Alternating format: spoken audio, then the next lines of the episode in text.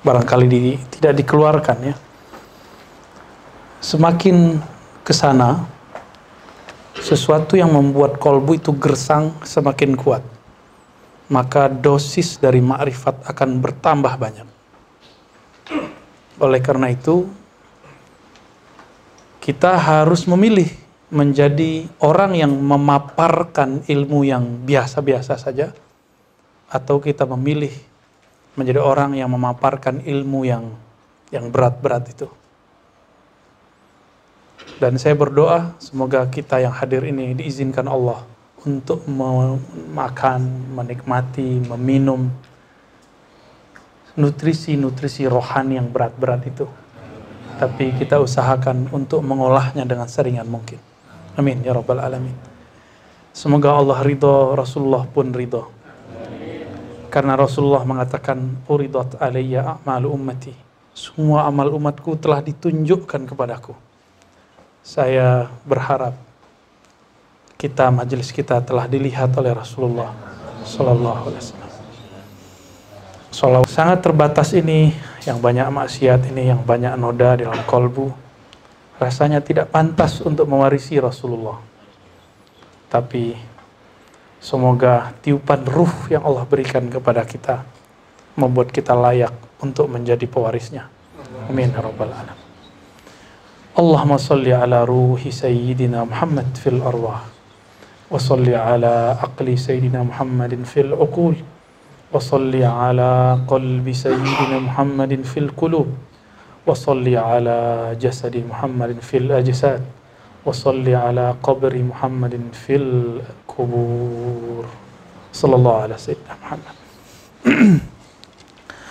kita masuk ke satu pasal yang penting dalam uh, performance sufi yaitu babus sama bab mengenai sema sima mendengarkan syair memukul terbangan bahkan tidak jarang ada raks ada tarian, whirling. Ya. Apa gerangan? Nah, sekarang satu-satu dulu, samanya dulu sebelum masuk ke ke bagian raksnya, seni tarinya. Tolong dibedakan, sufi bukanlah sama, sufi bukanlah tari. Tari dan lagu itu, syair-syair kenabian itu, semuanya adalah seni dalam bau, bukan tasawuf. Terus dia whirling, itu seninya. Tasawuf bukan itu. Tasawuf itu adalah hubungan kolbu dia dengan Allah Subhanahu wa taala. Maka bisa saja ada orang wirling tapi kolbunya tidak dengan Allah. Karena dia rajin latihan, dia kuat. Itu ya. Jadi tolong bedakan itu. Tapi orang-orang yang kolbunya sudah tertutup, dia tidak mau mencari tahu kebenaran. Dia suka mengikuti zon. Padahal dia sering mengatakan kembali ke Quran dan Sunnah. Di Quran dikatakan, Iyattabi'una illa zon mereka itu hanya mengikuti zon. Ya, padahal nggak boleh, itu haram hukumnya.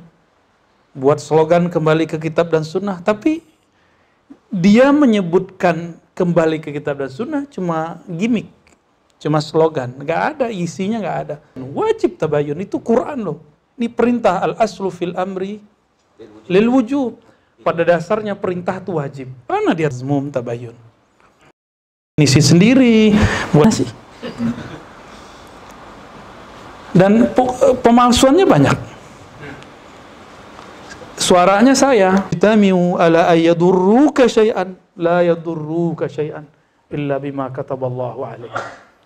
Seandainya semua orang berkumpul untuk menyakitimu, untuk merusakmu, mereka tidak akan mampu merusak kecuali dengan apa yang telah Allah tulis. Tetapkan. Jadi Makanya saya katakan kepada teman-teman semua, kalau ingin membela kajian-kajian kita, bukan bela saya, saya nggak mau dibela. Kajian kita, pemahaman yang kita wariskan dari guru-guru guru dari Nabi Shallallahu Alaihi Wasallam. Jadi saya tidak mau dibela. Saya hanya mau ajaran yang kita terima dengan sanat yang sahih kepada Nabi Ginda Nabi SAW dibela. Karena kalau saya dibela untuk apa? Saya bukan manusia suci. Antum pasti kecewa nanti. Tapi kalau ajaran yang kita perjuangkan dibela, ayo sama-sama. Intan surullah yang surkum. Jika kamu bantu Allah, Allah pasti kirim bantuan kepadamu. Ya, dan saya sudah mulai menyaksikan itu. Ya. Udah mulai, mulai ke orang langsung ketemu, yang tidak langsung ketemu. Tidak sedikit yang benci, tapi juga sangat banyak yang sayang. Ya, sunnahnya orang yang berkorban dalam dunia dakwah. Kayak bener aja tapi emang begitu, ya Bahkan ujiannya bisa jadi orang sesuku kita atau orang alma mater kita. Bisa jadi. Bisa jadi orang sekamar kita dulu, bisa jadi. Tapi semoga itu nggak terjadi ya. Semoga mereka sangat, karena mereka pernah sefaham dengan kita. Semoga tambah pengertian. Sekarang masuk ke babus sama. Nah, di Indonesia, Nusantara lah secara umum. Di Malaysia itu ada namanya dikir. Dikir itu dari kata zikir mereka pakai gendang, terus ada pembukaan zikirnya, terus ada syair-syair syair-syairnya, penutup lagi zikir. Kalau di kampung saya di Sumatera Barat, di Minangkabau ada namanya salawat dulang. Badikia, ya sama, dikia itu R-nya gak dibunyi. Malaysia kan kalau R itu di Kelantan misalnya Kedah itu nggak dibunyi, dikia. Sama itu. Nggak tahu siapa yang mempengaruhi, siapa yang dipengaruhi. Bisa jadi orang orang Melayu datang ke Minangkabau, Minangkabau datang ke Melayu ya. Enggak eh, ada untungnya kita tahu siapa yang pengaruhi dan dipengaruhi ya. Malah nanti ego yang muncul. Tapi ini kita ingin menunjukkan, oh berarti ada kesamaan budaya. Ya, di Aceh ada juga yang mirip-mirip. Ya. Ada tari samaan, raks. Dalam tari itu ada yang bersyair nggak? Syairnya isinya tauhid kepada Allah, tauhid asma, tauhid afal, tauhid sifat, tauhid zat. Di uh, Palembang ada rotip sama, isinya sama. Mereka berdendang biasanya. Terus di mana lagi? Di Banjar ya, di Banjarmasin, di Martapura, di Sulawesi, di banyak banyak tempat yang yang mereka punya tradisi itu. Di Jawa. Jadi waktu saya menemani kawan saya orang Abu Dhabi, dia Aljazair tapi tinggal di Abu Dhabi asal Turki dia bilang gitu. Um, dia peneliti manuskrip. Jadi saya ditugaskan guru saya Prof. Oman Fatur Rahman untuk menemani beliau ke ke Salatiga. Kita ada cara lah diundang malam-malam hari uh, ke Universitas 11 Maret. Ada penampilan orang pakai belangkon pakai sarung ala itu apa namanya sarung ala Jawa tuh apa namanya yang orang Jawa Jari, jari ya. Pak Budi nggak pernah make ya. ah itu terus Blanko dia nanya, haula sufiyun katanya. Itu sufi ya? Um, saya mau bilang iya, takut nggak ngerti bahasanya. Kita nggak ngerti bahasa Jawa, walaupun bini kita orang Jawa. Saya cuma bilang mereka bukan sufi yang murni, tapi uh, seni mereka dibuat oleh seorang sufi. Kan ada bonang, ada apa namanya? Ya, macam-macam tuh alat musiknya waktu itu. Ampel, nah itu semuanya Kalijak, Sunan Kalijaga, semuanya kemudian menciptakan seni. Dan itu, ini salah satu penampilannya, saya cuma ngomong gitu. Dia ngangguk-ngangguk, dia dengerin. Kan kalau Jawa itu pukulannya sangat ini ya, deng, deng, ya gimana sih? beda sama sama Sumatera Barat sama Aceh itu ya. Salat dulang, tak tuh. Aman kan loh, loh, loh, muter-muter badannya. Itu ekspresinya orang Jawa cocoknya dengan tarik sampai Abdul Muhi terus ada lagi ke sana tuh umurnya panjang sampai ratusan tahun, seratusan tahun semasa dengan Syekh Abdul Muhi tapi saya eh, belum memastikan lahirnya tahun berapa ya. Kemudian ada lagi torikot-torikot lain yang dibawa oleh Syekh Ibrahim As-Samarkandi yang sekarang berkubur di Palang. Ayahnya Sunan Ampel. Ya, tulisannya di situ ada. Jadi sekarang yang tersisa cuma gapura depannya itu. Pas masuk, pas depan masjid langsung. Ada tulisannya di situ 14 sekian. 1400-an. Jadi itu bapaknya Sunan Ampel. Bapaknya Sunan tis'ah. Sunan sembilan Wali Songo. Kita yang dari Sumatera, dari Malaysia, dari Kalimantan nggak usah imburu, nggak usah iri. Kita juga punya wali. Ya, jangan begitu, jangan cemburu-cemburu lah. Ya. Wali itu kekasih Allah, di mana pun dia tinggal, dia kekasih Allah. Dan itu kerap berkahannya mencakup semua. Jangan kemudian, oh suku kita juga ada. Nggak usah begitu. Allah itu kalau sudah izinkan terkenal satu ta'ifah, satu kelompok. Berarti di sana memang sudah izin.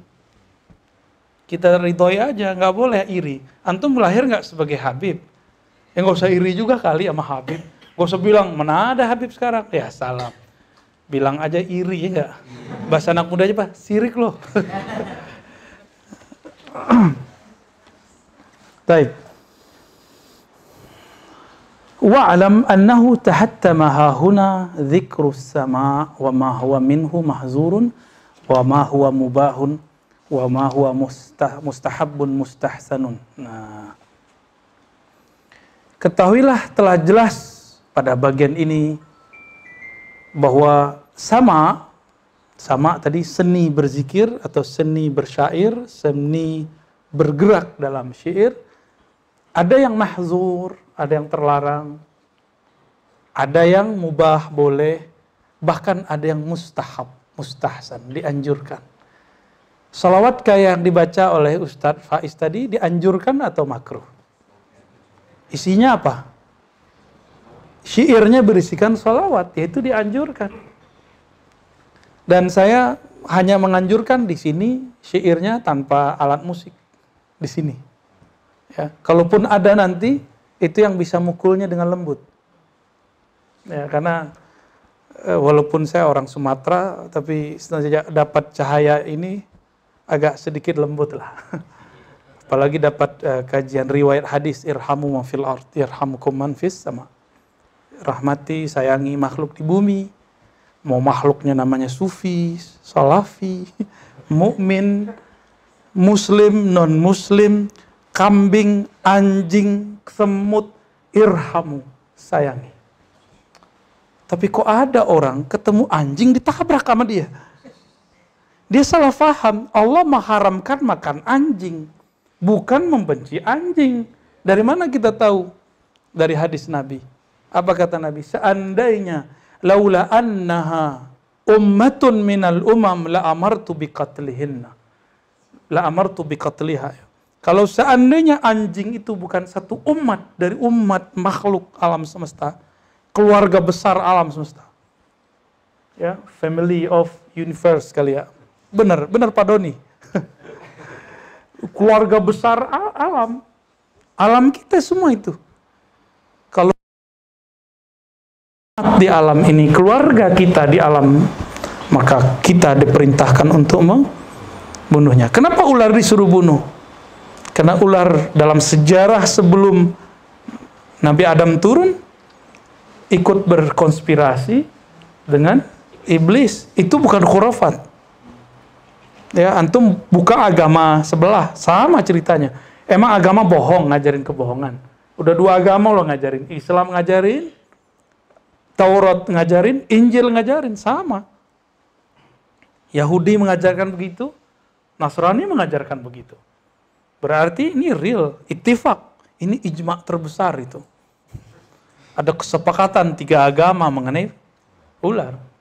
Maka Nabi mengatakan, uktulu, ya, uh, syaitan, ya, bunuhlah setan dalam sholat. Ternyata setannya apa? Ular datang.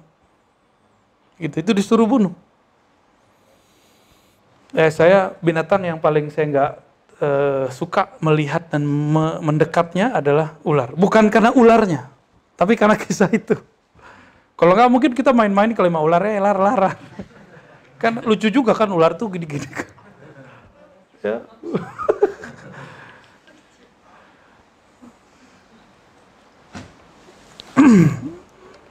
Jadi jangan gagal fokus. Makanya nyantri dulu sebelum jadi ustadz mu'alaf udah ngajar-ngajar orang aja ya. Boleh ngajar, tapi bidang ente yang ente ajar. Bidang kristologi, kita pun mau ngaji sama ente ntar. Jangan masuk ke wilayah yang bukan wilayah kita. Dalil Qur'annya jelas, wala taqfu kabil. Jangan masuk ke wilayah yang kamu tidak mendalaminya. Itulah dasar kritik saya kepada yang terhormat dokter dokter Zakir Naik. Dulu kan saya penikmat dia. Sebelum saya belajar ilmu perbandingan agama. Sebelum belajar teologi. Sebelum belajar usuluddin. Sebelum belajar ilmu tafsir. Uh, kita kagum, wih gila. Dia mengislamkan ribuan orang. Tapi kalau sudah paham usuluddin, pokok-pokok agama, ternyata dia mengatakan tawassul syirik. Berarti gagal paham toh? Gagal paham. Oh, banyak yang nantang-nantang saya. Mau nggak kamu dipertemukan Zakir Naik? Boleh. Tapi bisyartin annal hiwar bil arabiyah. Annal jidal bil arabiyah. Annal muzakarah bil arabiyah debatnya dalam bahasa Arab. Saya siap. Karena ulama ngomong bahasa Arab. Kalau situ ulama, ayo ngomong bahasa Arab. Full sehari semaram, tujuh malam, tujuh hari juga selesai. Kalau enggak, enggak usah. Enggak usah ngaso-ngaso ulama. Cukup fokus aja di kristologinya. Kita juga berterima kasih. Karena banyak kawan kita yang bimbang dalam bab kristologi, mengerti berkat dia. Fair toh saya ngomong begitu. Tapi enggak fair ketika dia mensyirikkan orang-orang yang tawasul. Kita jelas proporsinya. Kita nggak mengatakan Zakir Naik itu kambing, anjing, dajjal. Nggak ada kita ngomong begitu. Ada nggak ada ngomong begitu? Ada nggak? Ya. Apakah kebenaran itu ada pada seseorang atau kebenaran itu terpisah dari seseorang? Sehingga kalau kita mengkritisi seseorang, kita membatalkan hak di dalam dirinya. Kan enggak.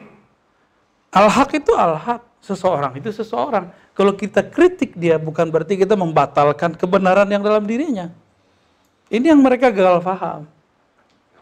Ya, tadi aja Al-Quran nggak diikutin ya, katanya nggak boleh apa ikut Quran. Giliran diajak tabayun nggak mau. Nah ini yang harus kita lihat. Sufi tidak ada satupun yang beribadah dengan tari-tari, nggak ada. Tarian Sufi itu hanyalah ekspresi kerinduan Nggak ada di situ ibadah. Tapi kalau niatnya benar dinilai ibadah mungkin, tapi itu bukan ibadah. Paham? Kerja kita ibadah nggak? Kan nggak. Tapi kalau niatnya karena Allah, nah gitu maksud saya. Ngomong benar, jadi ibadah nggak? Kalau niatnya benar. Ngomong jorok, dosa nggak? Sama, nyanyi juga begitu. Nyanyi ngomong jorok, sama kan? Itulah kata Imam Ghazali. Dia ambil dari hadis Darukutni. Ternyata masih khataman Sunan Darukutni di sini. Ya. Nanti kita buat khataman di sini. Terus nanti ada quote-quote tertentu baru dijelasin. Hanya dialah imam yang hampir setara Bukhari mampu mengkritisi Bukhari dengan objektif. Selain dia nggak ada lagi. Datang terakhir Ibnu Hajar, justru Ibnu Hajar menghajar Darqutni. ya, nanti kita buka ya, insya Allah nanti si di Musa silakan dicari waktunya, mungkin di event-event uh, Rajaban, Daurah. ya, Daurah, Daurah Sunan Darqutni. Tapi terbatas juga ya paling. Insya Allah ya. Imam Darqutni ini murid dari Imam Bakillani. Bakillani murid dari Bahili, Bahili murid dari Ash'ari nyambung kepada Rasulullah sallallahu alaihi wasallam ahli hadis ya baik ada di antara syair, di antara nasyid, di antara lagu. Bagi saya, mohon maaf, ini saya beda mazhab. Dulu, dulu waktu masih zaman-zaman awal berhijrah, kita hanya mengatakan nasyid dan salawat saja yang yang islami. Sekarang saya nyatakan, apa pun musiknya, apa pun kalamnya, yang penting isinya positif, itu islami. Misalnya lagu Ebit, GAD. Kalau itu positif, mengingatkan kita kepada Allah, maka dia termasuk religius. Coba antum dengerin Opik, sahabat kita Opik. Ini kan sahabat kita Alhamdulillah nih, beliau kolbunya dahsyat sekali. Ya, Salawat tuh bisa nangis-nangis beliau itu. Itu Mas Opik, musik dia musik ngepop nggak? Padahal basic dia ngerok loh. ya.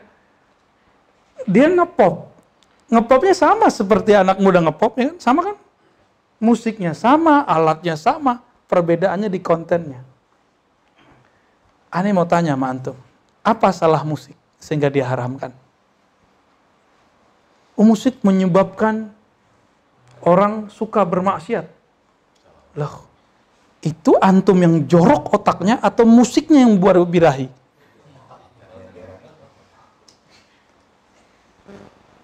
Imam Ghazali dikutip kalamnya oleh kelompok-kelompok sebelah tuh. Jadi giliran cocok sama dia, Imam Ghazali diambil. Ya, lucu juga sih ya. Kalau enggak, oh Ghazali memakai hadis palsu. Ya, giliran kayak gini bukan hadisnya diambil. Ternyata mereka memutar balik fakta. Imam Ghazali nggak bermaksud mengharamkan musik dan menyebabkan maksiat enggak. Justru boleh mengatakan beberapa alat musik yang menyebabkan mirip dengan kelompok fusak, orang-orang fasik atau agama-agama syirik, itu beliau makruh kan, beliau larang. Ya. Tapi penjelasannya banyak ya. Nah ini ini sebenarnya salah satu dari ajaran Imam Ghazali yang dia ringkas di sini. Jadi hukum musik, nyanyian, solawatan, ya antum solawatan nih, dudak, dudak, dudak, dudak. Ini musik juga kan lebih berisik daripada gitar loh. Yang mana yang islami? Maaf lo ya pemain musik. Maaf lo pemain hadroh. Kita musik kenceng. Sehingga lafaz yang kita baca nggak jelas. Lebih islami mana? Opik baca syairnya, selawatan, kalam-kalamnya jelas. Mana? Apakah, oh kalau musik sinar haram. Kalau tuntang-tuntang-tuntang, apa tuh? Terbangan halal apa kriterianya? Emang kalau sinar halal, haram, apa karena itu? Maka belajarlah usul fikih. Dalam usul fikih, keharaman sesuatu ada yang lizatihi, ada yang lighairihi. Ada yang karena zatnya. Coba lihat, sinar itu yang haram apanya? Kalau dari babi, iya haram, najis dia.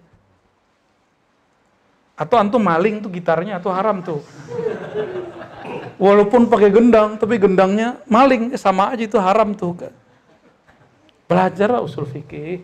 Ada nggak di Quran pengharaman senar? Arroz ini nggak ngerti surat Luqman ayat 6. Nah, dia terbersit itu dalam hatinya. Ya. Coba bacain Ustaz Ali. Waminan nasi mai? Hah? Ayo, jangan malu-malu lah. Di antara manusia ada yang yashtari. Itu kan? Di antara manusia ada yang menukar menukar agamanya, zikirnya dengan lahwal hadis. Lahwun, lahwa artinya senda gurau, hadis kata-kata. Di zaman Sayyidina Abdullah bin Abbas, lahwul hadis itu nyanyi-nyanyi nggak jelas. Jangan dikira bersyair-syair nggak jelas. Ibnu Abbas itu hafal syair sekali dengar 4000 bait. Ada antum yang bisa hafal? Karena mereka tradisi-tradisi jadi wajar orang dulu itu nggak ada handphone, nggak ada aplikasi, hafal Quran. Sekali dengar. Kita merotal banyak ya. Tapi kan godaan Instagramnya, YouTube-nya. Jadi yang lahul hadis yang mana? Jangan tafsirkan yang dulu itu dibawa penafsiran yang lama secara harfiah dibawa sekarang. Ar-Razi itu nggak sesuai dengan Quran, nggak sesuai dengan pemahaman ente terhadap Quran atau nggak sesuai dengan Quran itu beda loh. Antum nih baca Quran, paham sesuatu, pemahamannya Quran nggak? Ini serius loh ya. Perlu coret-coretan? Serius? ya, tolong pegangin nih. Ya. Hmm? Coba antum pegangin deh. Ya. Di, ini aja dah Bustad, dah Bustad. Antum pegangin ini. Ya. Taib, taib. Duduk sudah. Ada nama Allah nggak di situ? Ah. Siap. Yang sohe ya. Bukain.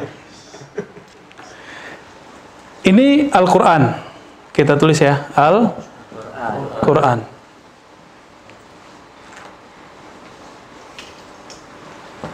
Anggaplah aja ini Al-Quran. Antum baca, nih kita nih. Nih kita, reader. Kita baca.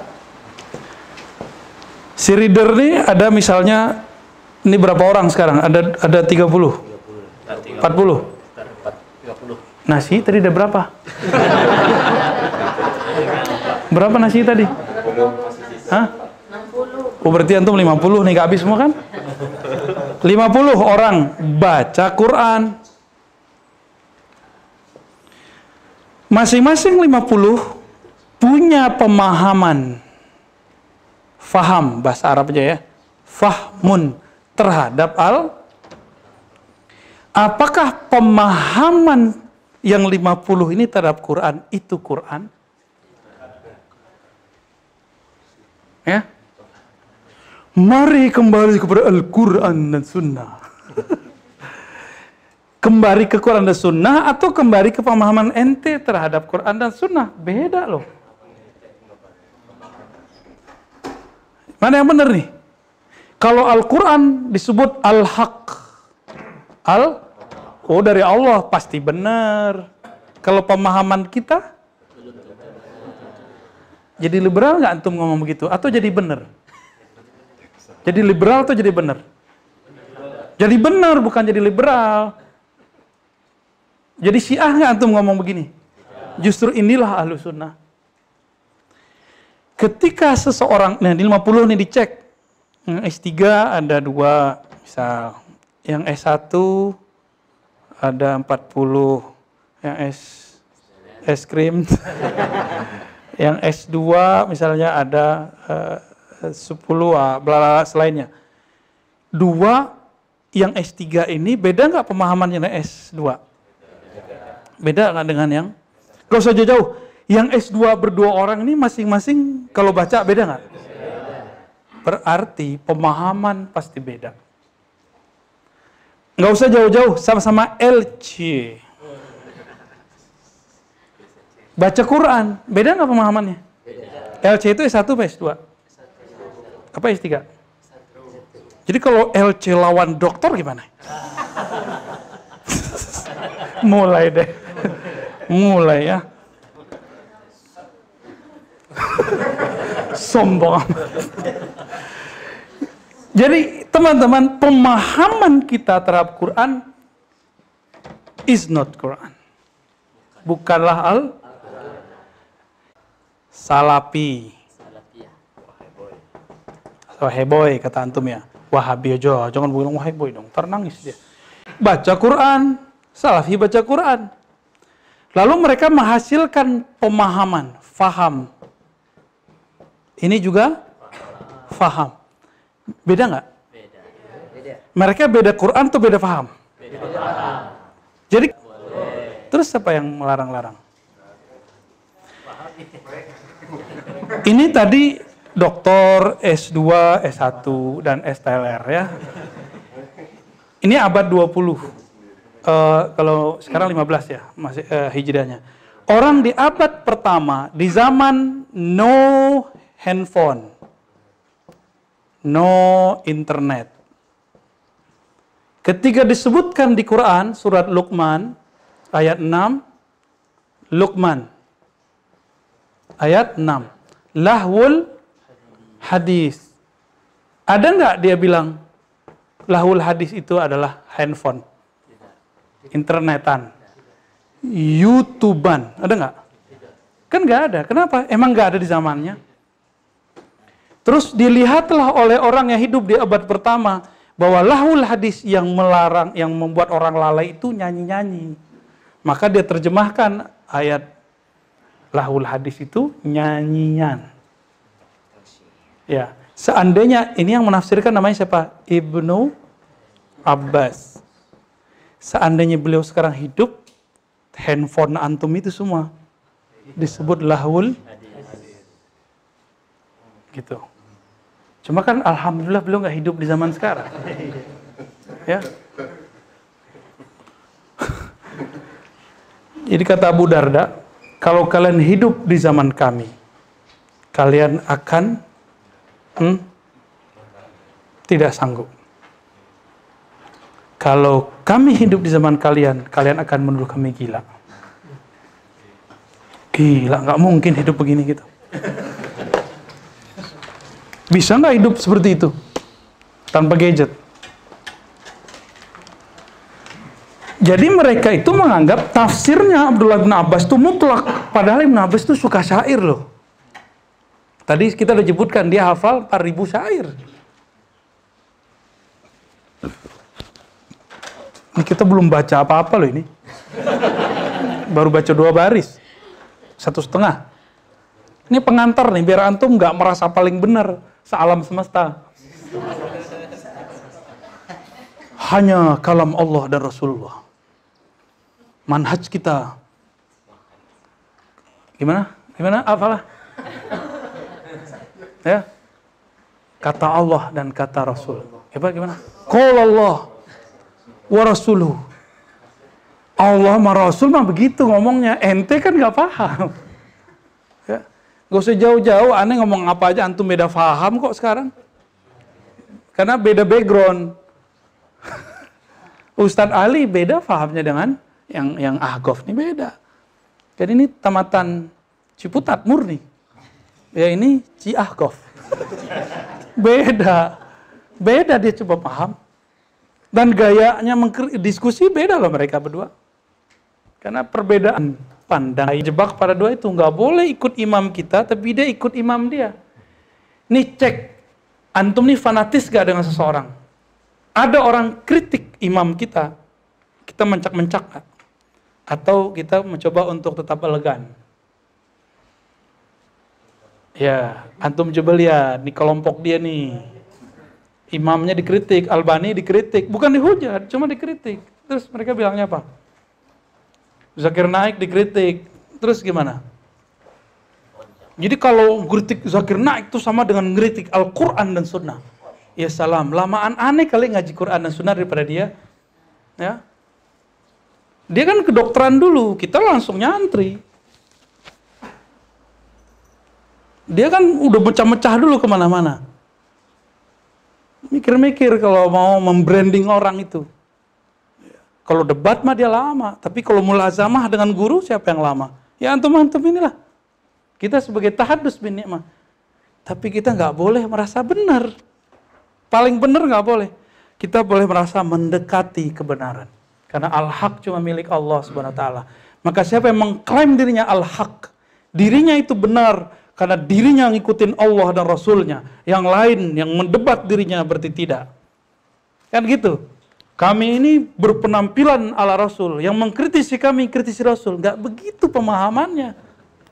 Kan mereka gitu kan logikanya. Itu siapa namanya? Dasim siapa? Dia kan ngomong gitu. Yang berbeda dengan penampilan kami. Yang kita tidak pernah mengingkari jenggot Rasulullah Shallallahu Alaihi dua hal yang beda. Ya teman kita juga banyak berjenggot tuh guru kita, guru silat aneh berjenggot. Ya. Terima kasih su udah datang.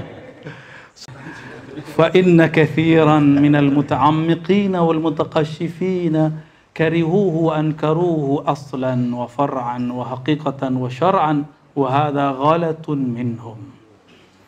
Sebagian banyak di antara orang yang muta'amik, apa arti muta'amik? Yang mendalami kajian. Mutaqashifin. Hmm? Takasyuf yang sederhana hidupnya ya. Karihu mereka memakruhkan. Masih mending memakruhkan. Wa ankaruhu lalu melarang sama ya. Seni seni suara, seni nyanyian, seni sufi itu aslan wa far'an wa haqiqatan wa syar'an. Oh, lengkap sudah. Empat. Syariat, tarekat, hakikat, marifat. Wahada adalah kekeliruan tuh. Imam ini biasa mengkritisi orang. Apakah ketika dia mengkritisi pendahulunya dia kemudian menentang Allah dan Rasul? Kalau begitu mungkin nggak ada per perbedaan fikih. Mungkin nggak Umar beda sama Ali radhiyallahu taala anhumah. Antum coba lihat, Sayyidina Umar, Sayyidina Ali, dua orang ini selalu berbeda. Sehingga boleh kita sebut Jika ada Umar, tidak ada Ali. Jika ada Ali, tidak ada Umar. Walaupun sesekali Sayyidina Ali negur Sayyidina Umar ketika Sayyidina Umar semangat mau jihad visabilillah, terus ninggalin kota Madinah. Tapi belum stabil. Datang Sayyidina Ali cepat-cepat ya. Apa kata beliau? Ya Amirul Mukminin, wahai tuan, pemimpin kami. Jika engkau pergi dan kau mati di tengah jalan, siapa yang ngurus negeri ini? Jadi Sayyidina Ali karena masih sibuk ngurusin keluarganya belum siap menggantikan. Ini untuk membantah kelompok Syiah juga yang mengatakan Sayyidina Umar ya musuh-musuhan Mas Ali. Enggak, mereka ikhtilaf tapi enggak musuhan. Beda kan? Kenapa? Bab politik. Jadi politiknya Sayyidina Umar beda dengan politik Sayyidina Ali dan bab fikih. Tapi bab ruhani entah Umar, entah Ali yang tajam. Ya. Entah mana lah yang tajam. Luar biasa dua-duanya. Tapi karena Sayyidina Ali ngambilnya dari kecil, beliau lebih panjang pengambilannya. Kedalaman ilmunya lebih dalam. Maka Nabi memuji khusus untuk Sayyidina Ali sebagai babul ilm. Babnya ilmu. Memuji khusus untuk Sayyidina Umar sebagai muhaddathin. Orang yang diberikan izin untuk berdialog. Ya, berdialog dengan Allah subhanahu wa ta'ala. وهذا غلط منهم لأن ذلك يفتي إلى تخطئة كثير من أولياء الله. Kenapa kamu saya katakan ini keliru, menyalahkan, mengharamkan? Kenapa? Ya. Kalau kamu mengatakan ini zindik, ya, mungkar, apa akibatnya? Sama dengan menyalahkan kebanyakan wali-wali Allah Subhanahu wa taala. Wa tafsik katsir minal ulama. Dan ente nanti berbahaya. Masa baru hijrah dari band kemarin sore karena kalam ente itu akan berakibat memfasikkan banyak ulama di Al-Azhar, ulama di Yaman, ulama di Suria yang mereka mendengarkan nasyid dengan musik. Coba lihat majelis Syekh Yusri, Syekh Muhanna, Syekh Ahmad Khatib, eh Syekh Ahmad Tayyib, Syekh Ali Jum'ah, masyaikh-masyaikh ya, Syekh Umar Hashim.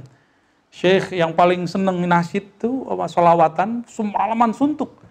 Itu uh, Syekh Muhammad uh, Ibrahim ya, Abdul Ba'is Seketani. Ya.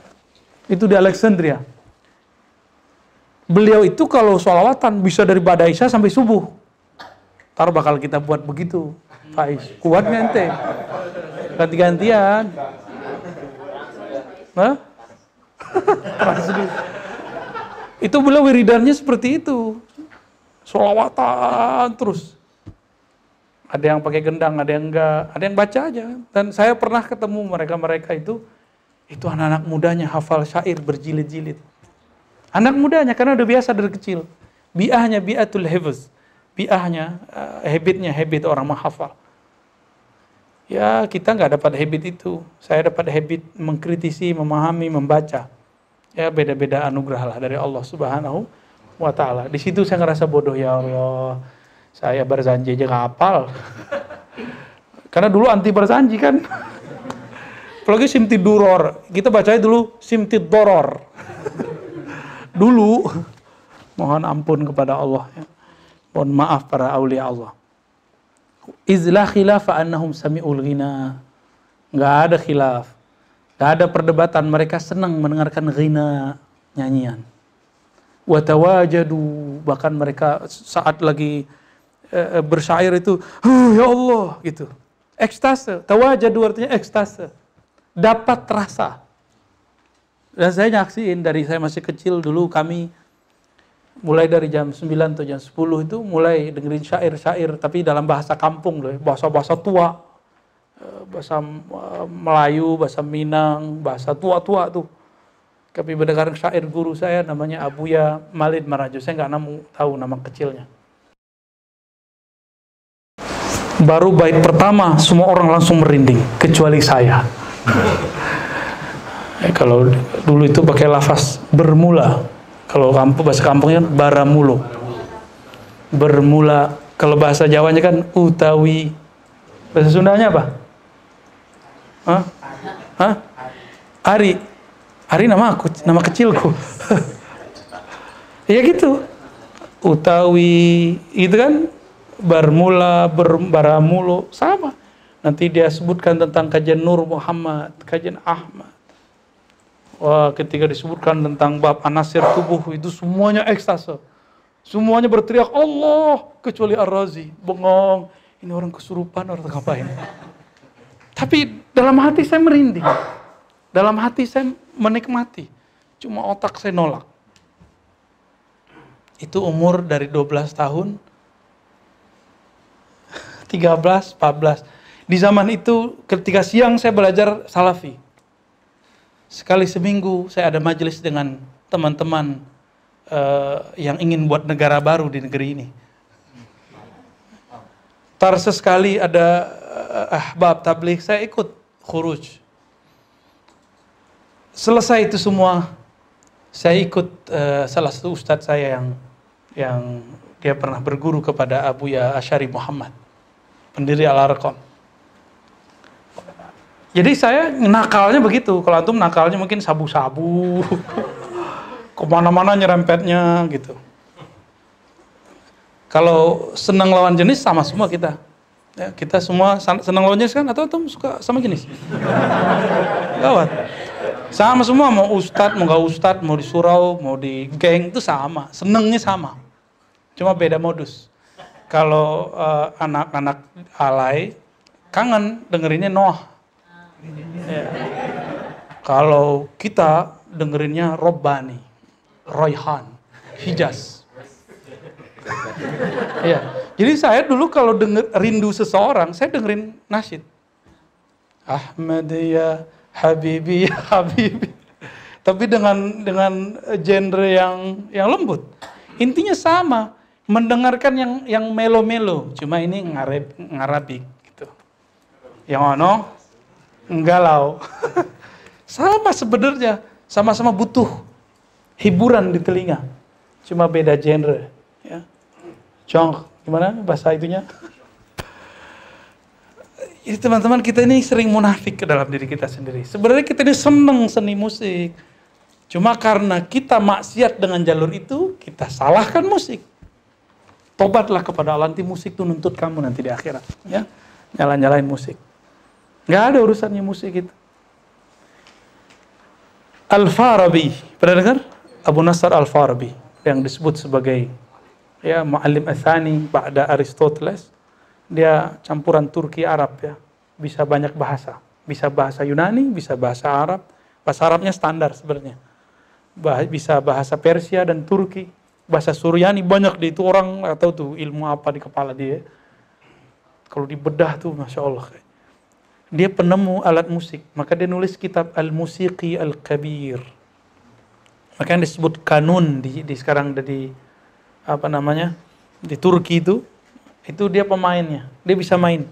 Suatu kali uh, dia menghadiri majelis para raja-raja, putra-putra raja, pangeran, pejabat-pejabat, seniman yang sedang mau menampilkan musiknya. Dia lihat musiknya mirip-mirip. Ada sinarnya, segala macam. Tapi bagi dia nggak enak. Tuang, tuang, sumbang. Bukan mau menyumbangkan suara, mensumbangkan. Akhirnya Al-Farabi maju ke depan.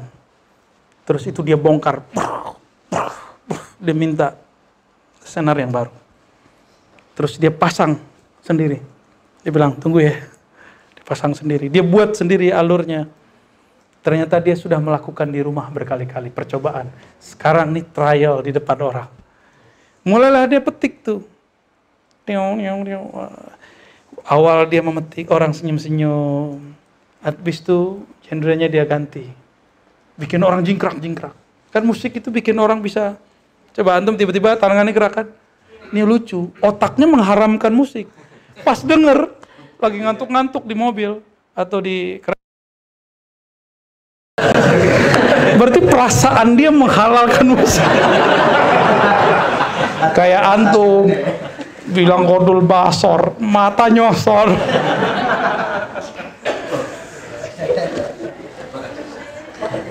Lalu dia petik lagi, tiba-tiba semuanya menangis. Dia petik lagi, tiba-tiba semuanya tersenyum dan ketawa. Jadi ada musik yang bikin orang ketawa nggak? Itu semua dilakoni. Alfa Rabi. Hafiz Quran tuh. Filosof. Ya. Jadi teman-teman dimulakan Allah, nah ini sebenarnya musik itu kalau di ini ada suaranya nggak? Ini bisa jadi musik nggak? Haram gak nih? jadi musik kan? ya bisa jadi musik semua. Haram gak nih? Gimana? Ada bentuknya agak canggihan dikit, gitar, piano, apalah segala macam lah. Apakah mereka disalahkan karena bunyi yang keluar dari zatnya mereka itu? Bukankah Allah juga yang menciptakannya? Ya. Lucunya si pengharam ini punya radio.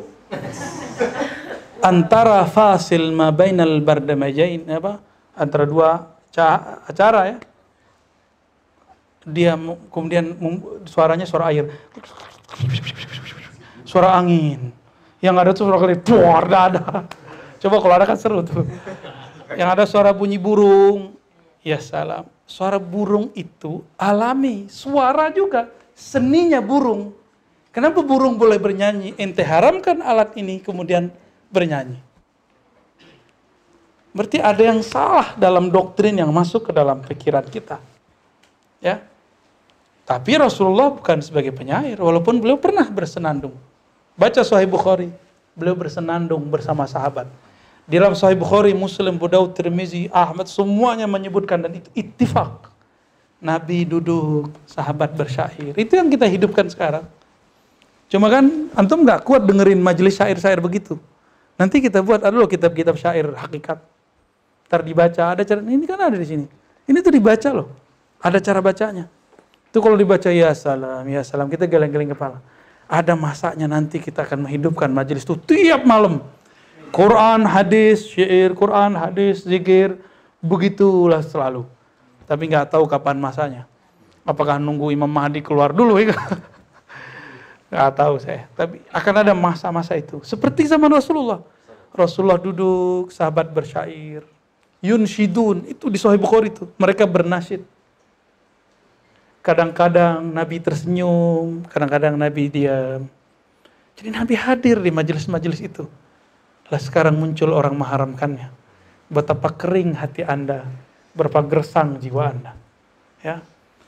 Kata Sayyidina Ali, hati-hati dengan hatimu. Jika engkau tidak sirami dengan seni, jika kau tidak hibur dengan suara-suara indah, kata-kata yang lembut, suara-suara yang merdu, nyanyian-nyanyian yang menyentuh, siap-siap hatimu mati. Yang ngomong Sayyidina Ali.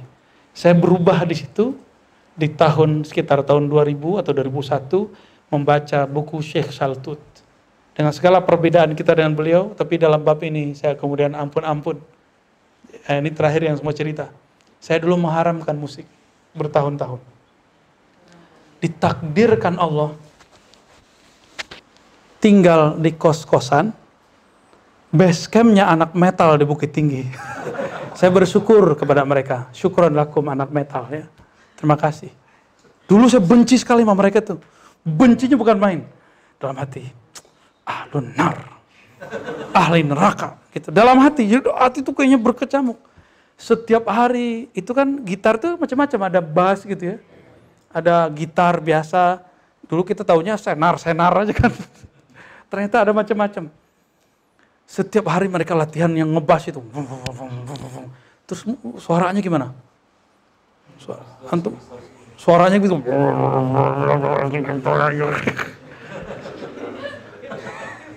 Itu saya mikir ya Allah, neraka apa yang engkau tempatkan ini?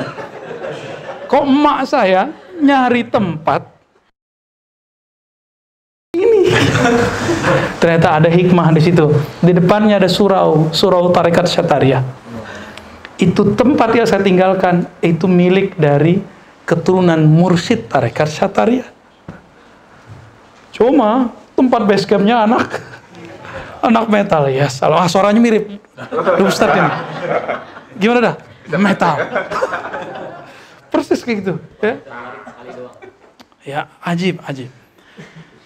Dalam masa kebencian itu, setiap hari saya tersiksa. Untung di kamar saya sendiri.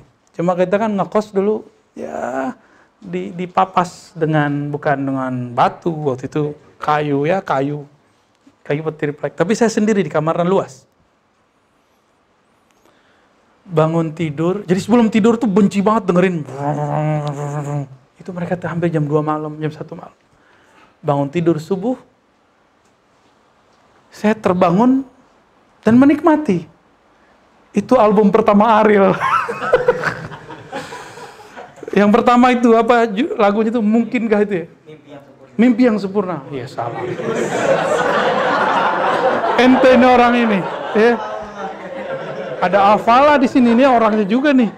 Ayo, siapa yang seumuran sama aneh ketahuan musiknya. itu lagi hit. Lagi hit. Saya kan mengharamkan itu. Ya, saya kan mengharamkan itu. Tapi waktu bangun tidur ikut nyanyi. Fisik bisa bohong. Perasaan gak bisa bohong. Otak saya bilang haram. Tapi alam bawah sadar kita bilang, ini bagus kok. Waktu subuh azan saya baru sadar. Lah ini kan haram. Tapi batin kita, haram dari mana dek? Besok pagi saya masih ingat kita kalau mau masuk ke sekolah itu ada dua jalur. Jalur gerbang, muter. Ada jalur yang lain. Loncat. kalau antum melihat aneh loncat, pas sekarang kan lucu. Untung loncatnya pas zaman itu ya. Loncatlah kita. Kejar langsung. Kebetulan Alhamdulillah uh, di perpusnya itu orang udah kenal kita. Karena saya hampir tiap hari ke perpus. Jadi temannya orang perpus itu ada buku baru nyampe, belum distempel, dikasih sama saya. Baca ya, ntar balikin. Siap, balik semua emang. Jadi dipercaya. Ada satu kitab saya ketemu tentang fatwa Syekh, Syekh Shaltut. Di situ kutipan dalilnya, kalam ulamanya, usul fikihnya, fikihnya, termasuk syair Sayyidina Ali itu yang bikin berbekas. Jadi syair diobati dengan syair. Apa kata beliau? Jika kolbu itu tidak engkau hibur, maka tunggulah kematiannya. Jadi teman-teman, kita perlu jadi ngaji aja kebakar ntar. Harus ada suaranya yang yang merdu, yang indah. Maka kita terima kasih Allah kirim Ustadz Faiz ya. Kalau ada yang lain mau menyumbangkan dan mensumbangkan suaranya, kita terima ya. ya. Jadi kadang-kadang secara takdir antum pengharam musik ditempatkan di di tempat orang pusat musik. Gimana? Itu secara takdir takdir buruk atau takdir baik? Ternyata itu takdir baik. Saya kemudian diberikan hadiah oleh Allah Subhanahu wa taala. Ya. Semoga masa lalu kita dapat jadi ibroh ya. Masa lalu antum semua dapat jadi ibroh. Jangan ter paku, jangan putus asa karena masa lalu yang gelap, jangan bangga oleh masa lalu yang terang. Masa depan belum masih belum pasti. Kita meminta kepada Allah yang Maha Pasti untuk memastikan kita dalam iman, Islam dan ihsan. Amin ya rabbal alamin. Ala hazina wa likulli natin salihah. Al-Fatihah. Bismillah.